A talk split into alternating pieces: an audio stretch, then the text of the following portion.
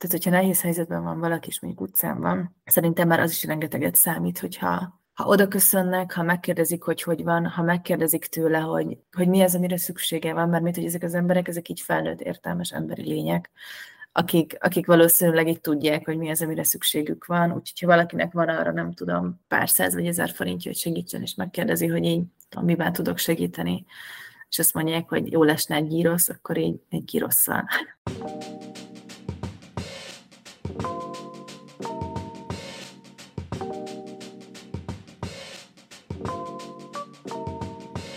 Világmegváltó, tabu döntögető baráti beszélgetések. Ez a Nem az Érde Podcast. A mikrofonoknál Csorba Eszter és Sólyom Eszter.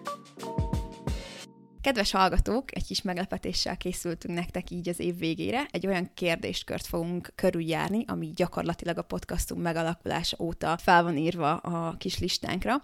Ez a téma pedig nem más, mint a hajléktalanság. Azonban ketten Esztivel nem éreztük elégnek magunkat ennek a témának a feldolgozásához, úgyhogy most hárman veszünk fel a virtuális stúdiónkban egy nagyon kedves vendéggel, Molnár Viktóriával van lehetőségünk ma beszélgetni, aki az utcáról lakásba Egyesület képviseletében érkezett hozzánk. Szia Viki, örülünk, hogy tudtál csatlakozni a beszélgetéshez. Én át is adnám neked a szót ezzel a lendülettel. Bemutatkozol, elmesélnél, hogy hogyan jutottál el oda, ahol most vagy az Egyesület életében. Sziasztok! Mi nagyon köszönjük a meghívást. Én különösen, vagy szerintem meg a szervezetnek egyébként egy fontos célja a szemléletformálás, és ennek a munkának a bemutatása, amit végzünk nap mint nap, mert egyedül nem megy, vagy egyedül nagyon nehéz és szerintem minél több ember lát tisztán a különböző társadalmi kérdésekben, annál inkább közelebb fogunk kerülni a megoldáshoz. Most már lassan ötödik éve, hogy az utcára a lakásba egyesületnél dolgozom. Ennek jelentős részét szociális munkával töltöttem. Én itt képződtem, úgymond, mert még egyetemre jártam, amikor már bekerültem ide, és én nagyon hálás vagyok ezért, mert azt gondolom, hogy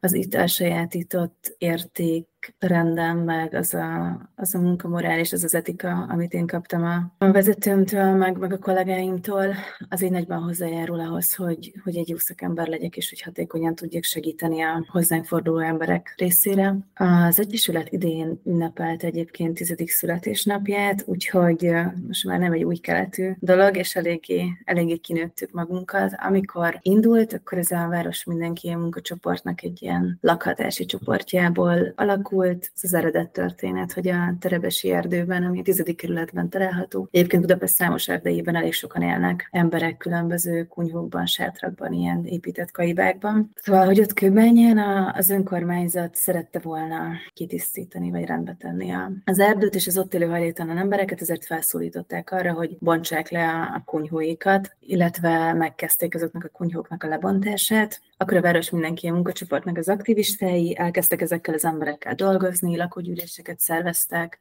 elmondták, hogyan tudja az önkormányzat jogosan lebontatni ezeket a kunyhókat, és ez a folyamat, amit ők elkezdtek, az egyébként egy ilyen jogtalan folyamat volt. Jogosan valakit megfosztani a lakhatásától egyébként úgy lehet, hogyha valamilyen másféle lakhatási formát biztosítanak számára, és akkor megkezdődtek az önkormányzattal, helyi erőkkel a tárgyalások, az ottani Vöröskereszt, a szociális munkások, utcai szociálisok is ebben elég aktívan részt vettek. Egyébként az Egyesületnek három alapító tagja is ott dolgozott, illetve egy alapító tagja az LVM munkacsoportjában dolgozott abban az időben. Volt, akit el sikerült helyezni munkásszálon, hajléktalan szálon, helyeken, de volt egy pár olyan ember, aki nem szerette volna feladni azt a fajta önállóságot vagy háztartásvezetést, amit ők egyébként így a kunyhós lépteleptel sajátítottak, emiatt hosszas tárgyalásokba kezdtek az önkormányzattal, hogy mi lenne erre a megoldás, és kaptak két lakást első évben, ahova az ott élő hajléktalan emberek az egyik lakógyűlés során jelöltek két maguk közül két családot, akik beköltöztek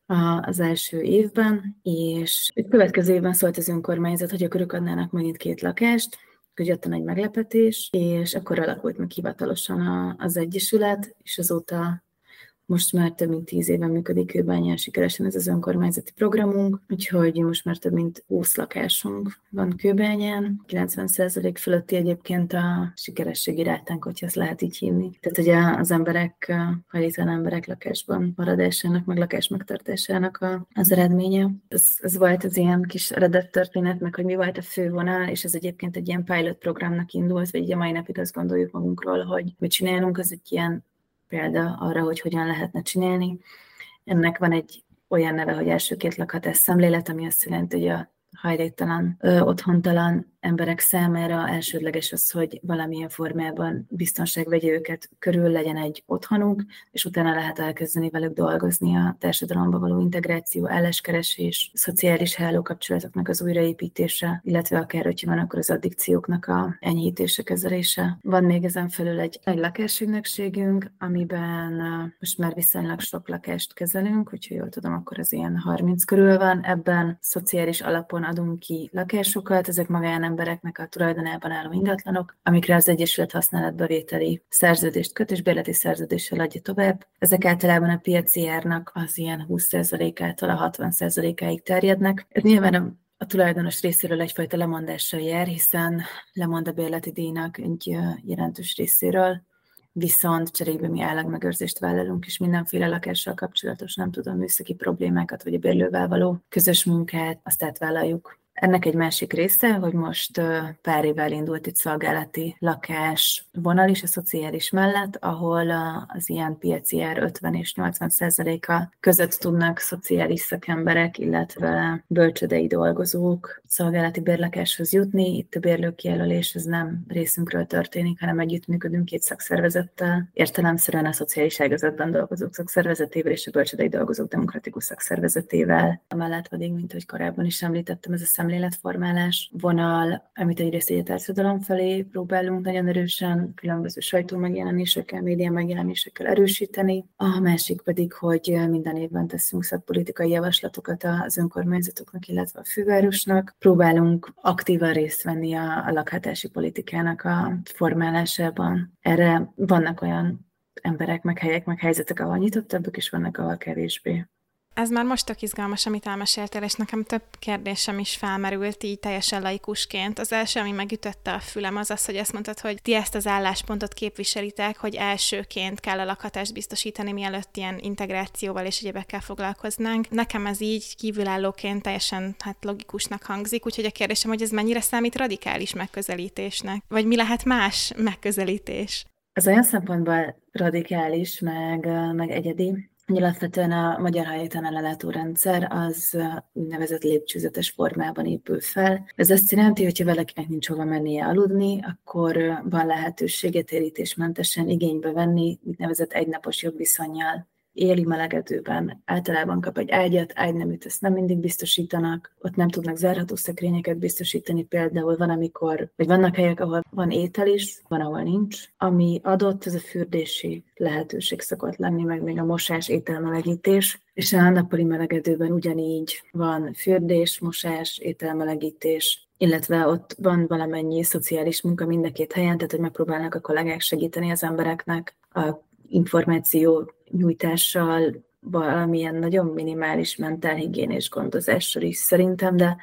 de hogy ezek azért olyan helyek, ahova egy éjszakára tér be az ember, tehát nagyon nehéz egy ilyen mélyebb bizalmi kapcsolatot kialakítani, ami mondjuk a, a mély segítésnek egy ilyen nélkülözhetetlen eleme és hogyha valaki erről a szintről tovább lép, akkor el tud menni átmeneti szállóra, amik már fizetőszállók. Itt most azt hiszem, hogy maximum egy plusz kétszer fél évig hosszabbítható a tartózkodás. Ennek is ilyen minimális a szállódíja, de mondjuk 10 és most tényleg hasonlítok, de hogy 25 ezer forint között mozognak ezek a szállódíjak egy hónapra lebontva rendelkezni kell ugye már valamennyi jövedelemmel, ott akkor már van egy ágya, van egy ágyneműje, van egy fix helye, ahol lakik, de ott is nem tudom, ketten, négyen, hatan vannak egy szobában még mindig. Ott van konyha, tud főzni magának, van egy közös fürdő, vagy akár nem tudom, biztos vannak olyan helyek, ahol szobánként is van fürdő, bár ez elég utopisztikusnak tűnik. És hogyha ez megvan, akkor vannak kiléptető lakások, ami viszont már a piaci árhoz nagyon közeli lakbért jelent, vagy lakbérfizetési kötelezettséget jelent, ami a probléma az az, hogy ahhoz képest, hogy mennyi hajléktalan ember él ma Magyarországon, vagy mennyien élnek lakhatási szegénységben vagy deprivációban, nagyon kevés ezeknek a kiléptető lakásoknak a száma. Mekkora, tehát hogy hány százaléka az az embereknek, akik így el tud egyáltalán jutni ebbe a kiléptető lakásba, az egy éjszakás, meg az ilyen nappali melegedőktől? Azon, hogyha számokról beszélünk, akkor van egyébként egy február harmadika nevű munkacsoport, akik minden évben február 3-án, mert az az év leghidegebb napja általánosan, készítenek egy felmérést az utcán és intézményben élő hajléktalan emberekkel, egy ilyen kérdőíves felmérést. Ennek a, az eredményei azt mondják, hogy nyilván nagyon nehéz elérni az embereket, és egyre nehezebb. Erről majd később úgyis fogunk beszélni, de hogy ilyen nagyjából 30 ezer hajléktalan ember él Magyarországon, és hogy ennek így körülbelül a fele él Budapesten. Szóval, hogy két-három százalék a kiléptető lakásoknak az ilyen százalékos aránya ahhoz képest, hogy így hány ember venné mhm. őket igénybe. Szóval, hogy nagyon, nagyon minimális. A hajléktalanság ez egy ilyen eléggé komplex probléma, én azt gondolom. Nem véletlenül mondjuk azt is, hogy az elsőként lakhatás szemléletnek egyébként egy ilyen nagyon fontos alappillére az, hogy intenzív személyre szabott szociális munkát, tehát ilyen segítő támogató folyamatot nyújtunk minden, minden bérlőnk részére, hiszen az az ember, aki, aki elveszítette a lakhatását, az valószínűleg más szempontból is deprivált hogyha belegondoltok akár abba, hogy, vagy nem tudom, hogy belegondoltatok-e már valaha, hogy ti magatok így hányszor válhatatok volna hajléktalannál, vagy hányszor kerülhetetek volna nehéz helyzetbe, hogyha mondjuk nincs egy, nincs egy kollégium, ahova lehet költözni, vagy ahol lehet lakni, hogyha ha mondjuk nincs a család, akiknél lehet lakni, ha nincsenek a barátok, akikkel össze lehet költözni, hogyha nincs egy olyan párkapcsolat, vagy hogyha nincs egy annyira jól fizető állás, hogy mondjuk önállóan valaki fenntartson egy albérletet, akkor talán közelebb kerül ez a, ez a helyzet hozzánk. Rá is kérdezek abban, amiben már egy kicsit elkezdtél belemenni, hogy van-e valami mintázat abban, hogy hogyan lesz valaki hajléktalan, vagy ahány ember annyi történet?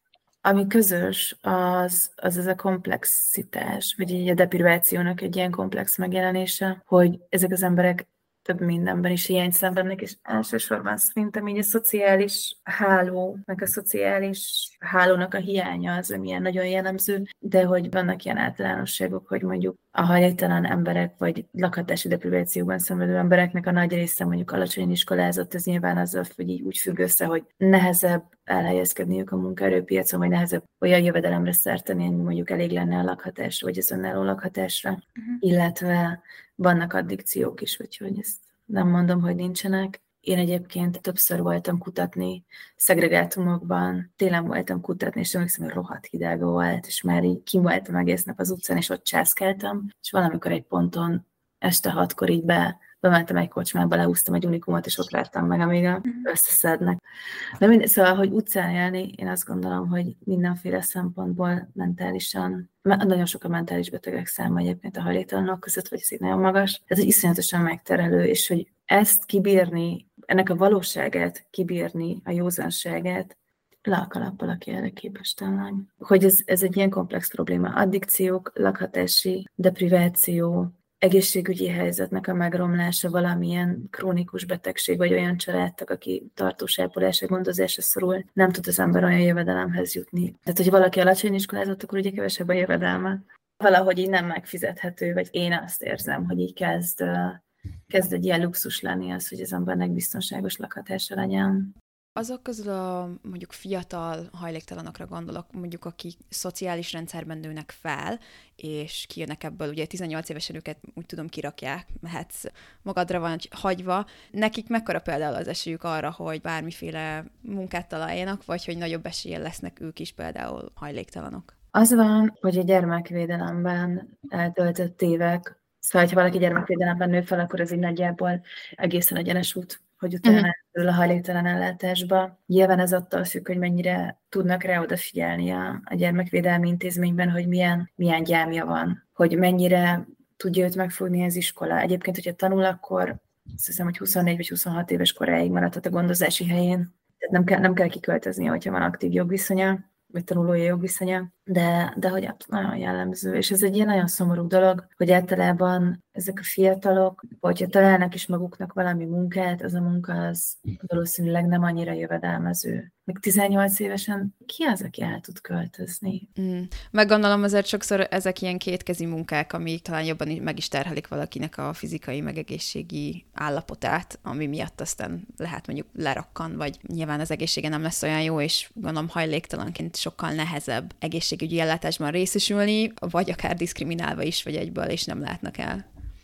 Abszolút. Nekünk nagyon sok ügyfelünk van, aki, aki egészen mélyen van traumatizálva az egészségügy, mert hogy egyébként is, de hogy így az egészségügyi ellátórendszer által, hogy így konkrétan rettegnek a, a bérlők, amikor így el kell menni egy-egy vizsgálatra. Van, vagy ez egy ilyen nagyon fura, egy ilyen árnyékvilág egyébként a hajléktalan lét, mert ugye a hajléktalan emberek számára van külön munkaügyi központ, meg van külön kormányhivatal, meg kormányablag, tehát hogy, hogy is van külön orvosi ellátórendszer is. Szerintem ez nem egy jó irány, mert hogy ez így az ilyen teljesen biztos út a szegregáció felé, és azok az emberek, akiket egyébként egy az utcán látni, azok egy nagyon minimális pár száz ember van, aki tényleg, nem tudom, köztéren aluljáróban él kint, és, és ők azok az emberek, akikről így az átlagember az össztapasztalatát szerzi, meg a benyomását, és azt látja, hogy ez, ez jelenti hajléktalannak lenni, pedig hogy az a pár száz ember, meg az a 30 ezer ember, tehát hogy ezért van különbség a kettő között, és én azt gondolom, hogy nagyon sok emberről így nem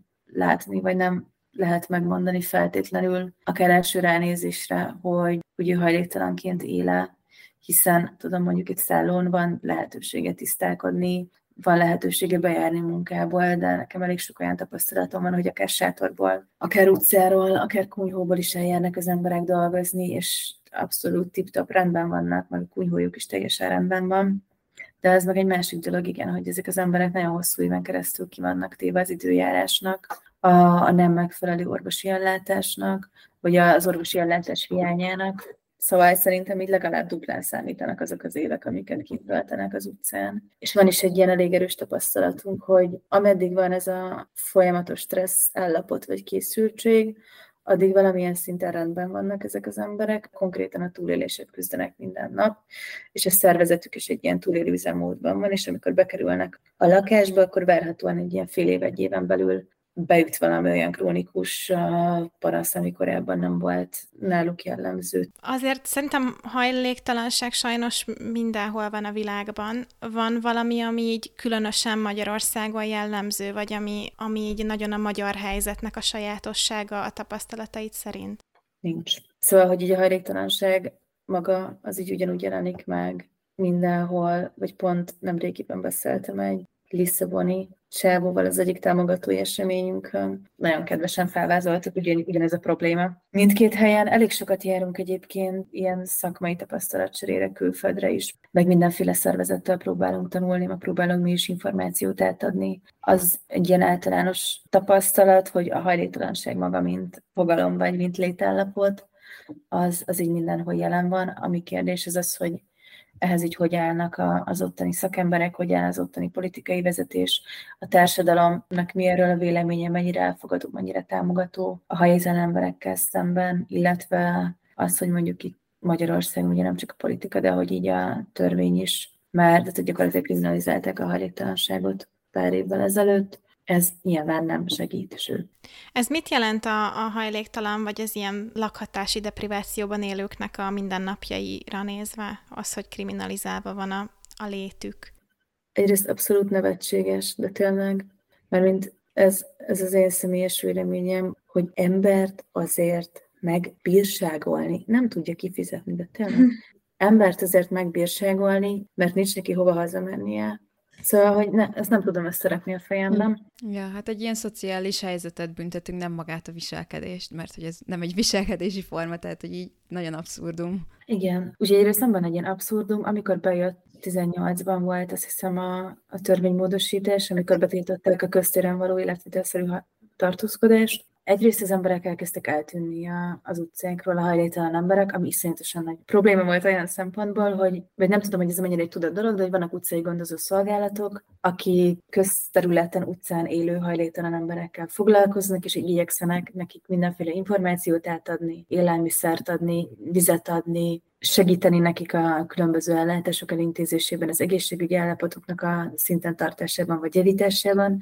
és ez egy ilyen nagyon fontos dolog volt, hogy ők így biztosan tudták, hogy ezek az emberek így hol találhatóak, meg hol élnek, és nagyon nagy mértékben csökkent a számunk, és elkezdték nem megtalálni ezeket az embereket, és azóta így nincsen információ róluk. Mm. És ez egy nagyon ijesztő dolog, hogy nem tudjuk, hogy mi lett velük, meg hogy hova kerültek, úgyhogy egyrészt ez, ez egy ilyen nagyon-nagyon rossz kimenetele volt ennek a törvénynek, másrészt meg így ennek a gyakorlati lefolyása így annyi volt, hogy egy darabig elkezdték ezeket a figyelmeztetéseket, meg pontokat osztogatni az embereknek. Egy ponton túl rájöttek, hogy nem tudják kifizetni, szerintem. Megteltek a fogdák. Ha nem tudja kifizetni, akkor nyilván majd leüli, vagy hogy nagyon sok ember egyébként nincsen olyan állapotban, hogy ledolgozza, tehát hogy egy közmunkára elég nehezen váltható át, és feladták Úgyhogy most már nekem nincsen ezzel tapasztalatom, hogy, mm. hogy nagyon sokat bírségolnák az embereket. Egyébként én magam is dolgozom utcai szocmunkásként másodállásban, és most csend van ezzel kapcsolatban, de hogy félelmet kelt a, az utcán élő emberekben. Hogy... Meg behozták ezt a,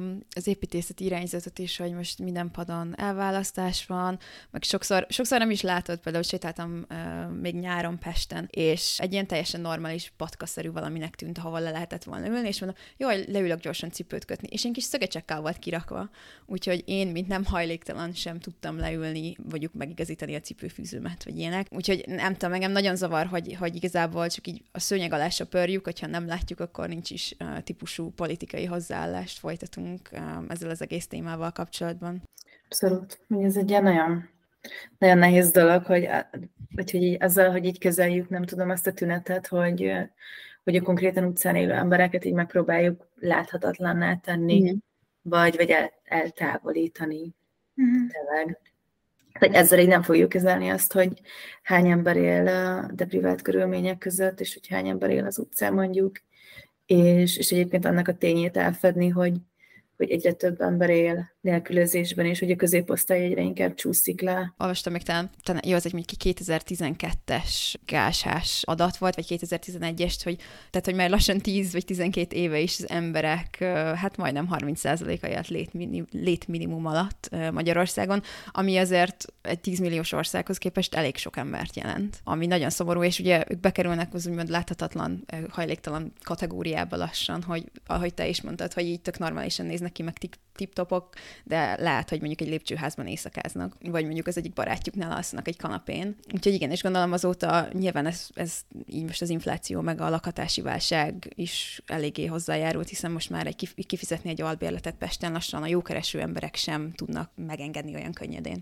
Ez nem félelmetes. Egyébként már, mint hogy én, a, én egyre több új arcot látok az utcán, de hogy olyan szempontból ez az, ami nagyon veszélyes, hogy azok az emberek, akik már nem tudom, sokadik telüket töltik mondjuk kint, felismerik, hogy mik a kiülésnek a jelei akár. Mm. Tudják, hogy, hogy mi ez a pont, ameddig kint tudnak lenni. Tudják, hogy mi ez a hőfok, ami fölött már, nem tudom, le fog fagyni a lábuk, meg fog fagyni a kezük, hogy, hogy mi ez a réteges öltözködés, amivel így valamennyire melegen tudják magukat tartani, hogy nem tudom, hogy kell rakni a hőtartó fóliát, hova rakják ezt a karton.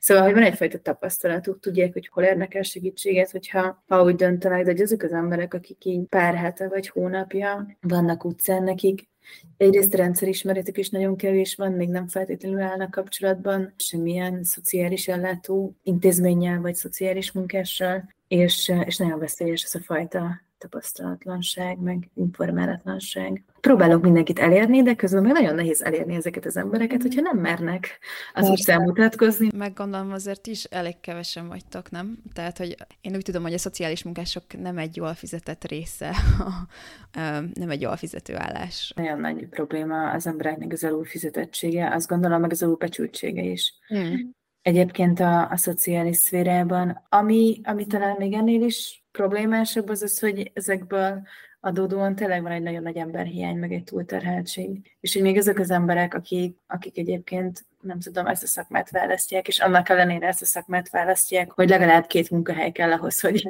hogy meg tudjanak ebből tisztességesen élni. Még azok az emberek is, nem tudom, gyakran kettő-három embernek a feladatait végzik el egyszerre. Nyilván ezt nem lehet akkor olyan minőségben megtenni, mint ahogy az igazán hatékony lenne, vagy lehetne. Szóval ez egy ilyen folyamatos szélmalomharc. Én azt szeretném kérdezni, hogy hogyan kerül veletek valaki kapcsolatba, akinek el tudtok kezdeni segíteni? Mi az a folyamata, hogy valaki bekerül a, az Egyesületnek így a körforgásába? Nagyon sokféle képen meg módon találnak meg minket. A segítségre szoruló vagy segítséget kérő emberek, amit mi minden esetben szoktunk javasolni, meg az ilyen hivatalos ügymenet, az itt nagyon fontos ketté választani a, a két programunkat. Van az önkormányzati együttműködésünk, amiről először beszéltem. Ott a helyi utcai gondozó szolgálat, tehát akik a kunyhóban, nem tudom, erdőben, sátorban élő emberekkel már együtt dolgoznak, ők azok, akik egy általunk megadott adatlapot kitöltenek a, az emberekkel, és akkor átnézik a jelentkezéseket, ők nyilván ismerik ezeket az embereket, tudják, hogy milyen körülmények között élnek, milyen erőforrásaik vannak, milyen lehetőségeik, nem tudom, milyen nehézségeik, és ajánlanak számunkra három kötőjelölt embert, akit mi aztán behívunk interjúzni, akkor az egyik pár, vagy egyik ember fog, fog bekerülni, ezek az önkormányzati együttműködések, és a másik pedig a lakásügynökség, ahonnan egy minden fórumon keresztül jelentkeznek hozzánk, tényleg az utcán megállít, felhív random telefonon, e-mailt ír, Facebookon ír, a Facebook oldalunkon keresztül ír. Itt minden esetben van szintén egy, először egy ilyen igényfelmérés, amikor így megnézzük azt, hogy az embernek milyen szükségletei vannak, és milyen erőforrásai, amit ő lakhatására tud szánni. Van egy ilyen kérdőíves felmérésünk ehhez, és aztán, hogyha bejön olyan lakás, ami megfelel az ő igényeinek, akkor kiküldjük neki erről az értesítést. Ő akkor kitölt egy ilyen pályázati adatlapot, amiben olyan kérdések vannak, ami azt vizsgálja, hogy milyen az ő lakhatási helyzete jelenleg, milyen volt korábban, van-e valamilyen tartós betegsége, van-e ápolásra, gondozásra szoruló ember a, a családjában, vagy az együtt költöző közül. Egyébként van-e kiskorú, van-e időskorú a, a családjában, akivel együtt költözne, mennyi jövedelme van, uh-huh. ebből most jelenleg így mennyit költ a lakatásra, szóval ez egy ilyen elég komplex kérdőív. Ezt lepontozza egy csapat kollega, és átadják a, az első szintén öt ilyen kérdőíves eredményt már így anonimizált formában a, a szociális munkás kollégáknak, akik leülnek interjúzni, és az interjún csak rontani lehet nálunk. Uh-huh. Tehát, hogyha valaki a, a pontrendszer alapján első lesz, akkor így ő fogja megkapni a lakást, hogyha csak nem tudom, mi nem derül ki róla. Uh-huh. Tehát ezért ez, ez nem egy olyan egyszerű folyamat, ahogy így, hogy így, így hallgatom.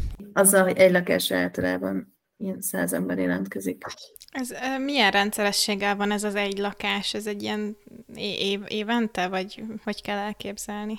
Nem tudom neked megmondani. Mármint, hogy attól függ, van, amikor, nem tudom, két havonta jön egy lakás, van, amikor hat hónapig nem jön lakás. Így ez ugye attól, hogy, szóval ez nem egy ilyen szabályozható folyamat, mert attól függ, hogy, a, hogy mikor dönt úgy egy magántulajdonos, hogy beadja ingatlan kezelésbe a lakását. És általában mi motiválja azokat a magán lakástulajdonosokat, hogy részt vegyenek ebbe a programba, hogy akarnak valamit segíteni, vagy hogy kerülnek ide? Szerintem van ennek igen egy ilyen társadalmi felelősségvállalással kapcsolatos szemlélete vagy szempontja, amikor így azt gondolják, hogy miért ne érzik abban a, abban a felelősségüket, vagy ez nem is felelősségnek hívom, mert hogy így, szerintem így, ez egy elcsépel dolog, de hogy is segíteni tényleg jó. Vagy hogy ugye, engem így jó érzéssel tölt el, hogyha azt érzem, hogy más embernek az életét pozitívan tudom befolyásolni. És szerintem abszolút van egy ilyen szociális érzékenység az emberekben, akár saját érintettség, vagy ismerősi érintettség alapján, vagy mert egyszerűen egy olyan értékrendel él, ami, ami így ezt kívánja meg tőle. És van ennek egy olyan formája is, hogy azért ez egy viszonylag egyszerű dolog. Hogyha mindenféle ingatlan kezeléssel, meg a lakás összes műszaki problémájával, felújításával kapcsolatos dolgot, azt így átvesszük, illetve állagmegőrzést vállalunk, tehát hogy a lakásnak az értéke ugye alapvetően nő. A, amellett, hogy, hogy ő veszít valamennyit a bérleti díjon, az állagmegőrzéssel biztos lehet abban, hogy a lakását olyan állapotban kapja vissza, mint ahogy nekünk átadta, illetve a lakásnak az értéke ugye exponenciálisan nőni fog. De ezekből a lakásokból, tehát hogy a mondjuk, hogyha én azt mondom, hogy itt a lakás nyugodtan használjátok, akkor én ezt bármikor vissza is tudom vanni, nem? Vagy van egy ilyen, nem tudom, akár egy vagy öt évre meg előre megírt szerződés, amire kötelezed ezt az embert, hogy oké, okay, akkor biztosítania kell neki ezt a lakást, hogy nyilván a benne élő ö, ember ne legyen megint hajléktalan így egyik pillanatról a másikra. Minimum két-három évre szoktunk kérni mhm. lakásszerződést a, a tulajdonosoktól, de nyilván bárkinek az életében felmerülhet olyan viszmajor helyzet, ami okán el kell adni azt a lakást, vagy be kell költözni abba a lakásba. Ilyenkor azt szoktuk kérni, hogy amit meg tudja, akkor jelezze. Általában ez szokott működni ilyen három kötőjel hat hónappal előre. Az lenne a lényeg, hogy legyen elég időnk elkezdeni azon dolgozni, hogy a bent lévő bérlőnek az elhelyezését meg tudjuk oldani. Volt már ilyenre példa, akkor, akkor meg tudtuk oldani saját ingatlanállományon belül. Nyilván mondtad, hogy a, a, a fele körülbelül a hajléktalan embereknek Magyarországon az Budapesten van. Ti az Egyesülettel csak Budapesten tevékenykedtek, vagy tudsz bármit így a vidéki hajléktalan embereknek a helyzetéről? Mi kifejezetten Budapesten belül dolgozunk, igen.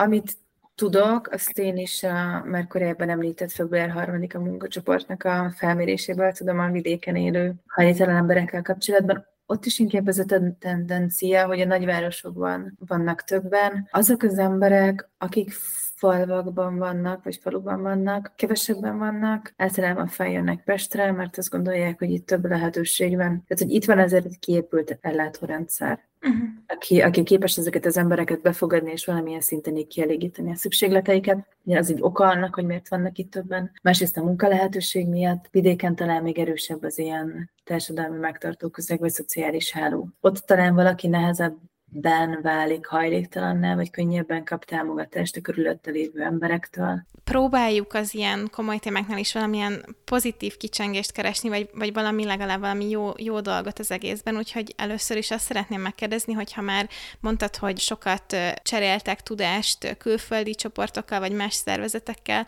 láttok valami, vagy valami jó gyakorlatot, vagy valamilyen olyan törvénykezést, ami más országban már jól működik, amit át lehetne hozni, van bármilyen pozitív példa, amit a nagyvilágból elleshetnénk? Én azt gondolom, hogy, hogy amit mi csinálunk, az elég jó. Uh-huh. Szóval már, hogyha csak ez lenne egy, egy pozitív példa, meg hogy, tehát, hogy ez tényleg az elsőként lakatás szemléleti projektek egyébként jól szoktak működni, vagy ilyen elég nagy sikerességi rátát érnek el mindenhol világszerte, egyébként ez Amerikában indult, egy, egy pszichiáter dolgozta ki ennek a modellnek a rendszerét, aki kifejezetten pszichiátriai beteg és addiktív utcán élő emberekkel. Embereket próbált meg visszaintegrálni a társadalomba. Külföldön, ahol jártunk, ott is egyébként így ezt tapasztaltuk, hogy szóval, hogy máshol is sikeres az elsőként lakatás szemlélet móddal működő projektek, vagy hogy ilyen nagy sikerességi rátával működnek. Ami nyilván nehéz, hogy ez, ez kezdetben ez jár egy nagyobb anyagi ráfordítással, mind az állam részéről, mind nem tudom, hogyha valaki pályázati forrásból tartja fönn magát, vagy, vagy adományokon keresztül, akkor az először egy ilyen nagyobb befektetést igényel, de hogy utána, hogy ezek az emberek így megerősödnek, már elkezdik gyakorlatilag visszatermelni ezt a fajta, ezt a fajta költséget. Még valahogy én azt érzem, hogy Magyarországon még mindig ez a szemlélet, hogy az egészségügy, meg a szociális szféra, meg az oktatás, az egy nem jó biznisz, és akkor ebben nem éri meg fektetni, vagy valamikor ez sikerült valamelyik politikusunknak elmondani, hogy az egészségügy ez nem, nem jövedelmező befektetés. És egy kicsit tényleg ez a hozzáállás, pedig én azt gondolom, hogy ha többet költenénk prevencióra, akkor az idővel kifizetődő lenne. Szóval, hogy képesek ezek az emberek az önálló életre és, és képesek önállósodni, és képesek megerősödni, és képesek jövedelemhez jutni, ami egy ilyen elég nagy probléma, hogy, és ami egyébként azt gondolom, hogy világszerte egy ilyen probléma, hogy ezek az emberek nem fogják tudni megfizetni a, a piaci albérleteknek az árát. Tehát, hogy, hogy vagy az van, hogy, hogy tartósan valamilyen szociális albérleti díjat fizetnek, vagy önkormányzati lakásnak az albérleti díjat fizetik. Ez egyébként egy ilyen fontos adalék, és szerintem nem hangsúlyoztam még ki, hogy minden bérlőnk fizet. Tehát, hogy, hogy, hogy minden programunkban résztvevő ember fizet bérleti díjat. Vannak, akik nagyon keveset, akik önkormányzati bérlakásban élnek, de, de hogy minden esetben van valamilyen fizetőképesség részükről. Hogy egyébként az az ember, aki ezt az egész elsőként lakatás szemléleti projektet meg, megalapította, vagy kitalálta, vagy elkezdett ezzel dolgozni, egy külföldi konferencián találkozott vele pont pár hete az Egyesületünknek az egyik vezetője, és akkor beszélgettek, hogy az az ember egy ismer minket, vagy így tudja, hogy hogy ezzel foglalkozom, mert volt meg korábban kapcsolat, és hogy azt mondta, hogy jelenleg neki az a tudása, hogy az egész világban mi mondjuk az egyetlen olyan szervezet, aki mindenféle állami normatíva nélkül valósítja meg ezt a, ezt a fajta projektet. Úgyhogy miért van ez, hogy így nálunk jobb jó gyakorlatot nem Aha. tudok mondani, de hogy... De ne, nem, semmi gond, hát azt fel kell vállalni, hogyha valamit jól csinálunk, nem, nem kell itt szerénykedni, és ez tök jó, örülök neki, és sajnálom, hogy nincsen több állami támogatás, hogy ez, ez még jobban menjen. Azt szerettem volna kérdezni, hogy most így említetted, hogy minden bérlőtök fizet valamennyit a, a lakásokért. Munkakereséssel is támogatjátok őket egyébként, hogy akkor ez lehető, vagy hogy így lehetővé tegyétek számukra, hogy tudjanak valamiből fizetni? Ez is egy ilyen tök jó ilyen nem tabu, hanem hogy hívják ezt, hogy, hogy mert a segélyből meg lehet élni. De ezek ilyen városi legendák egyébként. Hát, de hogy hogy nem. Tehát, hogy, hogy azt így ők is pontosan tudják, mint ugye pérlők, meg mi is pontosan tudjuk, hogy, hogy nem lehet segélyekből, szociális juttatásokból fenntartani magunkat, ezek ilyen 20 kötőjel 30 ezer forint között szoktak mozogni, úgyhogy ez egy ilyen elég alapvető dolog, hogy miután stabilizálódott a, ez stabilizálódott az embernek a, a helyzete, meg az egészségügyi helyzet elkezdünk azon dolgozni, hogy minél jobb, vagy minél biztonságosabb munkahelyet tudjon találni, viszont sokszor feketén dolgoznak, sokszor nem fizetik ki őket, nincs, nincs táppénz részükre. Tehát, hogyha megromlik az egészségügyi állapotuk, ugye vége, és ez mindig is cél volt, hogy, hogy ez a jövedelem ez minden stabilabb legyen, meg minden magasabb legyen, támogatjuk őket abban is, hogyha vissza szeretnének menni az iskolába, akár közoktatásba, akár valamilyen spec felnőtt képzést elvégezni, tehát hogy próbálják folyamatosan motiválni a szociunkás kollégákat, az embereket a fejlődésre, meg ebben támogatni, meg ezt így lehetővé tenni valamilyen formában. És van egy kifejezetten álláskereső csoportunk is, a, ahova nem csak az Egyesületnek a, a bérlői, de más deprivált, vagy valamilyen szempontból deprivált emberek is járhatnak. Mennyire probléma az mondjuk, hogy, mert feltételezem, azért vannak olyan hajléktalanok, akiknek ilyen, ilyen olyan módon van mondjuk büntetett előéletük. Munkakeresés során nekik mennyire lehet ez probléma, hogy nekik ez van, vagy hogy akár ugye hajléktalan környezetből jönnek. Tehát, hogy mennyire előítéletesek a munkaadók valójában ez a kérdésem. Én azt gondolom, hogy valamilyen munkához nem kell erkölcsi bizonyítvány, akkor az nem feltétlenül fog kiderülni, mm. hogy ez az ember büntetett életű, sőt, viszont az, az egy ilyen teljesen bevett gyakorlat, hogy, hogy csekkolják a munkáltatók, hogy a lakcímkártyán valamilyen hajléktalan szállónak a címe szerepel, mm-hmm. és hogyha igen, akkor igen, akkor diszkriminálják sok helyen az embert. Most bennem felmerül az, hogy esetleg, ahogy vannak magán lakástulajdonosok, akik azért, hogy segítsenek, szívesen becsatlakoznak a programba, olyan nincs, vagy nem lehetne, hogy munkaadók, tehát munkáltatók is csatlakozzanak, hogy szívesen segítenek és interjúztatnak, vagy, vagy nyitottak arra, hogy a programban résztvevőket foglalkoztassák? De abszolút. Ez az agymunkát nevű csoportunk, ami, ami most már 7 éve lassan, hogy, hogy megy. Ez egy olyan társsegítő csoport, aminek van egy facilitátora, aki egyébként elég sok munkáltatóval, ilyen nagyobb cégekkel kapcsolatban van. És akkor ő garantálja azt a cégek felé, hogy ez az ember, akit így mi küldünk, ő egy ilyen megbízható, jó munkát végző, ha bármi probléma felmerül, akkor a cégnek a hárása fel tud minket hívni, nem tudom, tudnak egyeztetni, szóval, hogy, hogy ez számára egy ilyen biztos munkaerőt jelent, illetve a, a munkát, vagy a munkavállaló részéről pedig egy ilyen biztonságot arra, hogy bejelentett, tehát egy bejelentett munkahelye lesz, és hogy biztosan meg fogja kapni a fizetését, és hogy annyit fog kapni, amennyi nem tudom, a szerződésben le van írva. Ha most aki ezt hallgatja magánemberként, ezt az adást, és szeretne segíteni, akkor hogy, hogyan tud valaki jót tenni, és, és tényleg hatékonyan segíteni, hogy az ne csak, ne csak a szívednek essen jól, hanem tényleg valami változást is előre mozdítson. Támogassátok az utcáról lakásban egyesület munkáját. Szerintem akkor tudnak az emberek a leghatékonyabban segíteni, vagy ez a segítség majd a legmélyebbre, hogyha olyan szervezeteket támogatnak, akik egyébként szakmájukként vagy hivatásukból adódóan foglalkoznak ezekkel az emberekkel. A másik meg, amit én egyébként átlagemberként gondolok a segítésről, az az, hogy akkor jó segíteni, hogyha tiszta szívből tud segíteni az ember.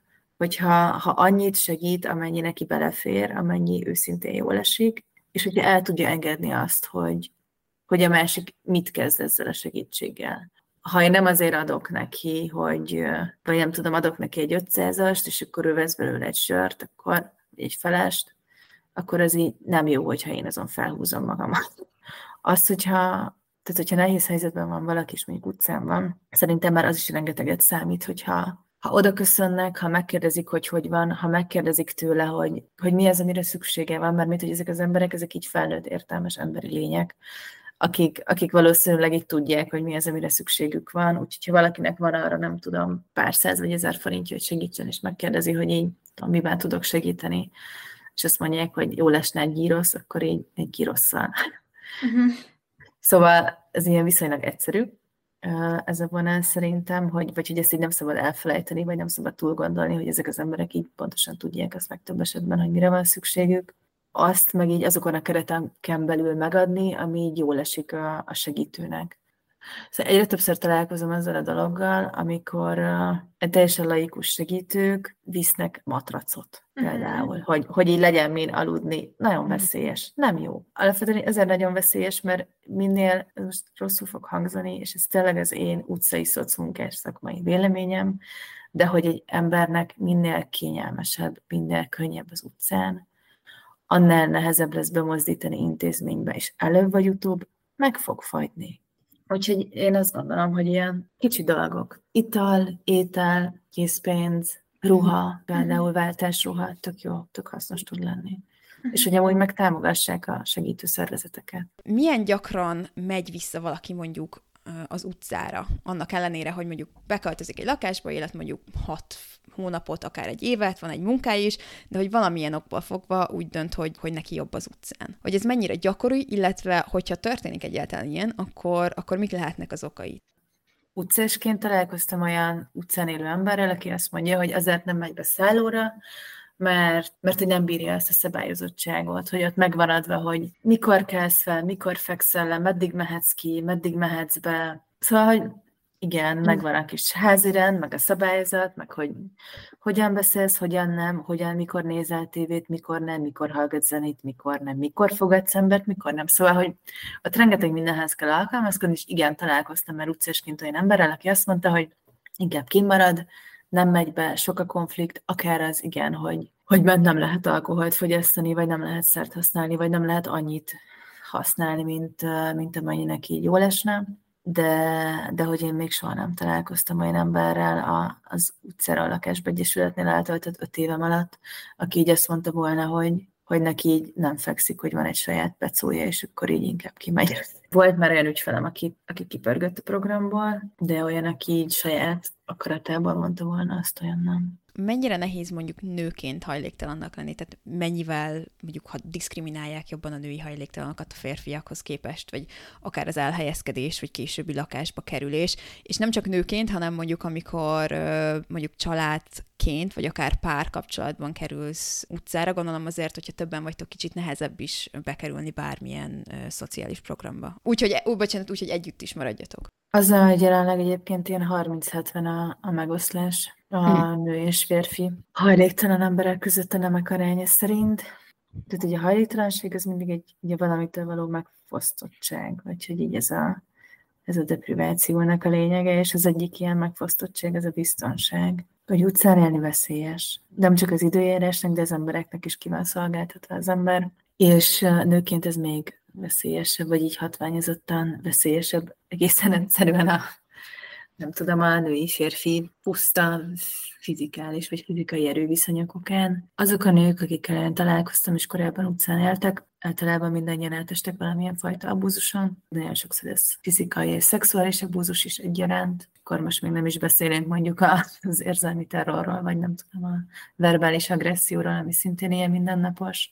Nagyon sokszor találkozom azzal a helyzettel, hogy nők azért vannak párkapcsolatban az utcán, mert az még mindig a kisebb rossz, hogyha egy ember erőszakolja meg őt folyamatosan, mm. mint hogyha x ember erőszakolja őt meg folyamatosan, és ez egy ilyen borzasztó nehéz dolog, meg egy nehéz téma, és nagyon sok olyan kapcsolatot látok, ami nem kiegyensúlyozott, amiről azt gondolom, hogy ez egy bántalmazó kapcsolat, vagy egy bántalmazó dinamika, ami zajlik közöttük, de hogy, hogy még mindig racionálisan meg tudom érteni, hogy, uh-huh. hogy ez a nő mondjuk miért marad benne abban a kapcsolatban, mert hogy mi ez a fajta ilyen egészen szürreális biztonság, amit ez nyújtani tud számára. Sokkal kevesebb egyébként a női férőhelyek száma, de, de miután sokkal kevesebb a női hajléktalan, én nem tudok arról, hogy ez, hogy ez valamilyen szempontból egy problémát jelentene. Ami sokkal nehezebb, az a páros elhelyezés. Ennek tényleg nagyon kicsi, kicsi az aránya, oda, oda bekerülni. Nagyon nehéz és nyilván ez meg egy ilyen tök másik kérdés, hogy egyébként, hogyha bekerülnek valahol páros férőhelyre, akármilyen átmeneti szállóra, vagy bekerülnek hozzánk programba, akkor hogyan változik meg a kapcsolati dinamika? Hogy, hogy mondjuk az a szürreális biztonságérzet, ami, ami korábban egy ilyen reális dolog volt, vagy egy ilyen értető dolog volt, az hirtelen most már nyilván akkor ugye nem, nem kívántá válik. És még volt egy rész a kérdésednek, hogy családok 97-es gyermekvédelmi törvény szerint 18 éven alul nem tartózkodhat senki utcán, közterületen. Elvileg ugyanebben a törvényben van foglalva az, hogy anyagi okokból gyermeket nem emelünk ki a családjából. Rengeteg kiemelés történik azért. Ez azt jelenti, hogy, tehát, hogy a gyermekeket elveszik a, mhm. a családtól, mert nem képesek olyan szociális körülményeket, olyan biztonságos lakhatást teremteni számukra, ami, ami megfelelő lenne, ettől függetlenül egyébként a gyerekek boldogan szögdösnek ki az erdőbe is a, a családjukhoz, mint hogy ez egy olyan megtörhetetlen, vagy vagy hogy ilyen nehezen megtörhető kapcsolat. Keményen nagyon-nagyon rossz személyes véleményem van a, a gyermekvédelmi rendszerről, meg hogy rengeteg rendszerabúzusról lehet olvasni, meg hallani. Ugyanakkor azt gondolom, hogy azok az emberek, akik ebben a rendszerben képesek dolgozni a legnagyobb tiszteletem feléjük. Tehát, hogy, hogy hihetetlen teherbírással vannak, és tényleg nagyon sok ember helyett dolgoznak, és valamilyen végtelen lelkesedés, meg, meg hit tartja őket össze, meg így tartja őket életben, meg ezt az egész rendszert. De, de ja, úgyhogy elvileg családok átmeneti otthon az van, pár, uh-huh. de ennek is viszonylag, hogy így ott is mindig nagy az ilyen túljelentkezés, általában fél éves éves várólisták vannak, tehát hogy elég, elég nehezbe kerülni ide, vannak anya otthonok is, uh-huh. ahova értelemszerűen anyák mehetnek gyermekeikkel, ide is hasonlóan nagy a várólista. Még visszakanyarodnék az adásnak az elejére, amikor az Egyesületnek a munkájáról beszéltél, és ott még, még volt egy utolsó kicsit elhanyagolt pont, az meg az ilyen szakpolitikai javaslattétel, már amikor van rá értő fül. Erről is tudnál mondani egy, egy-két példát, hogy mi az, amit javasolnátok ti, hogyha ha minden politikus hirtelen rátok figyelne, akkor mit mondanátok neki?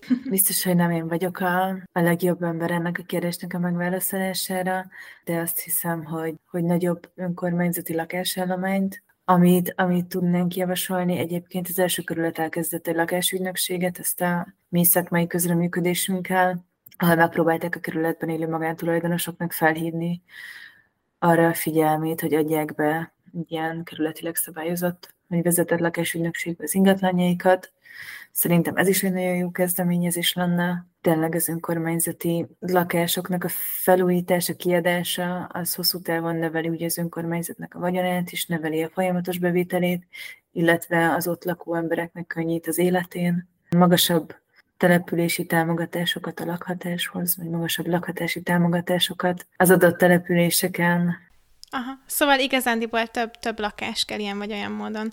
És időről időre, most megint laikusként, de időről időre hallani olyat, hogy milyen sok épület áll üresen, és gondolom azért ez is a problémának a része, hogy ennek lenne sokkal jobb, jobb helye. Ilyen teljes, nem tudom, agyfagyás, hogy több üresen álló lakás van, mint amennyi hajléktalan ember van. És ez mi magántulajdonban, vagy ilyen befe- ingatlan befektetőnél, vagy hol van, kinek vannak azok a lakások? Magántulajdonban, állami tulajdonban, önkormányzati tulajdonban, tehát hogy így az aha, üres aha. lakásállomány száma, az így magasabb, mint a hajléktalanságban élő emberek száma, és nyilván vagy szó, hogy ez egy ilyen visszacsatolás kicsit az előző kérdésre, hogy ez van, hogy, hogy az önkormányzat nak sajnos az ilyen kerete vagy büdzséje nagyon sokszor így nem teszi azt lehetővé, hogy ezeket a lakásokat felújítsák. Tehát ami egyrészt egy ilyen tök fontos dolog, hogy a privatizáció után iszonyatosan alacsony maradt az önkormányzati, meg a fővárosi lakásoknak a száma, és hogy még ezeknek a lakásoknak is a nagy része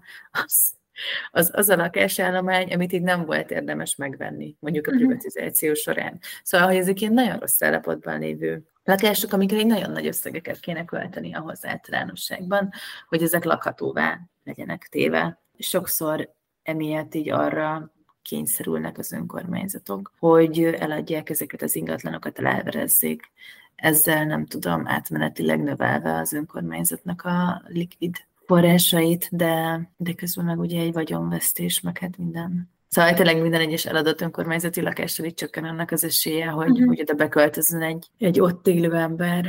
De hogyan, hogyan léptél erre a pályára? Mi motivált téged, hogy, hogy szociális munkásnak tanulj, illetve hogy kifejezetten hajléktalanokkal foglalkozz, és mondjuk, hogyha valaki most tanul szociális munkásnak, vagy most lép be erre a pályára, akkor van bármi ilyen személyes tapasztalatod, vagy tipped, amit uh, meg szeretnél, vagy meg tudnál velük osztani? Mindenképpen javaslok egy erősen ismeretet azoknak az embereknek, akik bármilyen fajta segítő szakmára szeretnének menni, vagy egyáltalán emberekkel szeretnének foglalkozni, mert szerintem nagyon fontos megtalálni ennek a belső ilyen drive vagy motivációját, hogy, hogy ebből mit tud épülni maga a személy, szerintem sokat.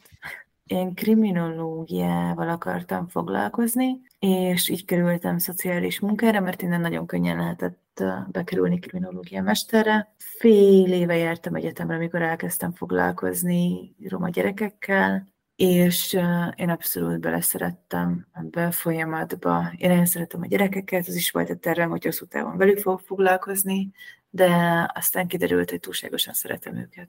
Hm. Ahhoz, hogy, hogy velük foglalkozzak, vagy szerintem ez egy ilyen nagyon fontos dolog azt felismerni, hogy, hogy szociális munkásként nem tudom, lehet foglalkozni hajléktalan emberekkel, gyermekekkel, fogyatékkal élő emberekkel, idősekkel, szerhasználókkal, nagyon-nagyon széles ez a skála, és hogy szerintem tök fontos felismerni azt, hogy így mi az, ami érdekli az embert, és mi az, ami, amivel viszont így nem tud foglalkozni, vagy nem tud mm. dolgozni. Nekem az az ilyen legnagyobb tanulságom, hogy minden emberben van, van valami szerethető, és minden emberben van valami érték, és ezt, ezt megtalálni, meg ezt felismerni szerintem egy nagyon nagy dolog, meg egy nagyon jó képesség, hogyha ezt elsajátítja az ember. Arra így rájönni, hogy, hogy némi odafigyeléssel még egészen különböző háttérrel rendelkező emberek is tudnak mély kapcsolatot kialakítani, vagy ilyen őszinte kapcsolatot kialakítani. Én rengeteget tanultam a, a bérlőinktől, rengeteget tapasztaltam, és, és nekem az az én,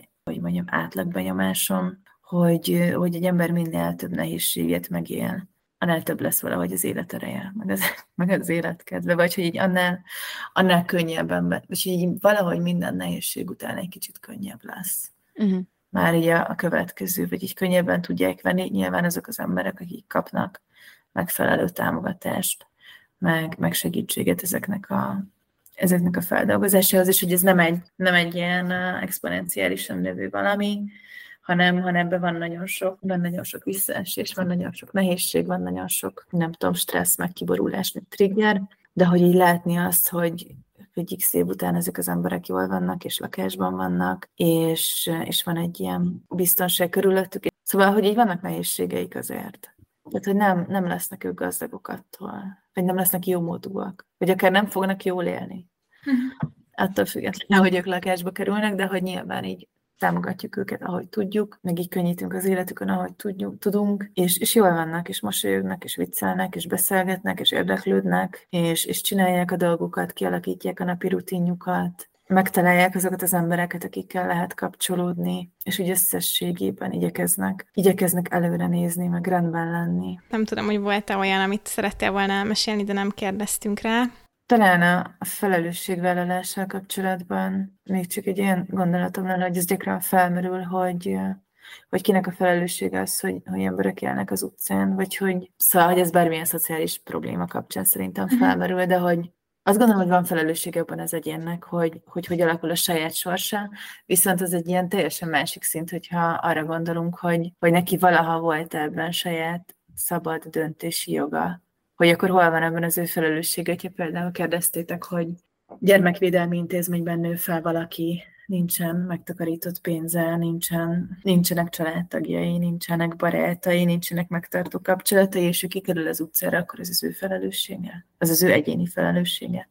Tehát szerintem ez egy ilyen tök fontos kérdés. Én alapvetően így abban hiszek, hogy hogy eznek egy ilyen társadalmi felelősségvállalásnak kéne lenni, és hogy igenis van abban mindenkinek szerepe, hogy mások hogy élnek, e, ezt, ezt nagyon nem segíti azt, hogy az emberek egyre jobban kezdenek elszegényedni, és egyre jobban közelebb kerülnek ahhoz, vagy így egyre inkább valóságá válik szerintem sok ember számára a, a nélkülözésnek különböző formája. Minél közelebb érezzük magunkhoz, és minden inkább azt gondoljuk, hogy ez bárkivel előfordulhat, annál nehezebb élni a mindennapokat. Viki, nagyon szépen köszönjük a, a beszélgetést. Szerintem ez egy fantasztikus beszélgetés volt, én nagyon-nagyon élveztem, nagyon sokat tanultam, mint, mint laikus. És kedves hallgatóink, majd megosztjuk az Instagramunkon, meg nyilván az adás show is az utcáról lakásba egyesület mindenféle adatát, a honlapot, hogyha bármi kérdés óhaj-suhaj van, akkor minket is elértek, illetve hogyha fel akarjátok venni az egyesülettel a kapcsolatot, akkor az ő kontaktadatjaikat is megosztjuk. Köszönjük a lehetőséget! Köszönjük, hogy ma is minket hallgattál. Ha tetszett ez az adás, értékelj minket 5 csillaggal, és ne felejts el feliratkozni Spotify-on, Apple Podcast-en, vagy ahol most hallgatsz. Kövess minket Instagramon, ahol nem azért podcast néven találsz minket, vagy tudj meg rólunk többet a nemazértpodcast.com oldalon. Két hét múlva találkozunk. Sziasztok! Sziasztok!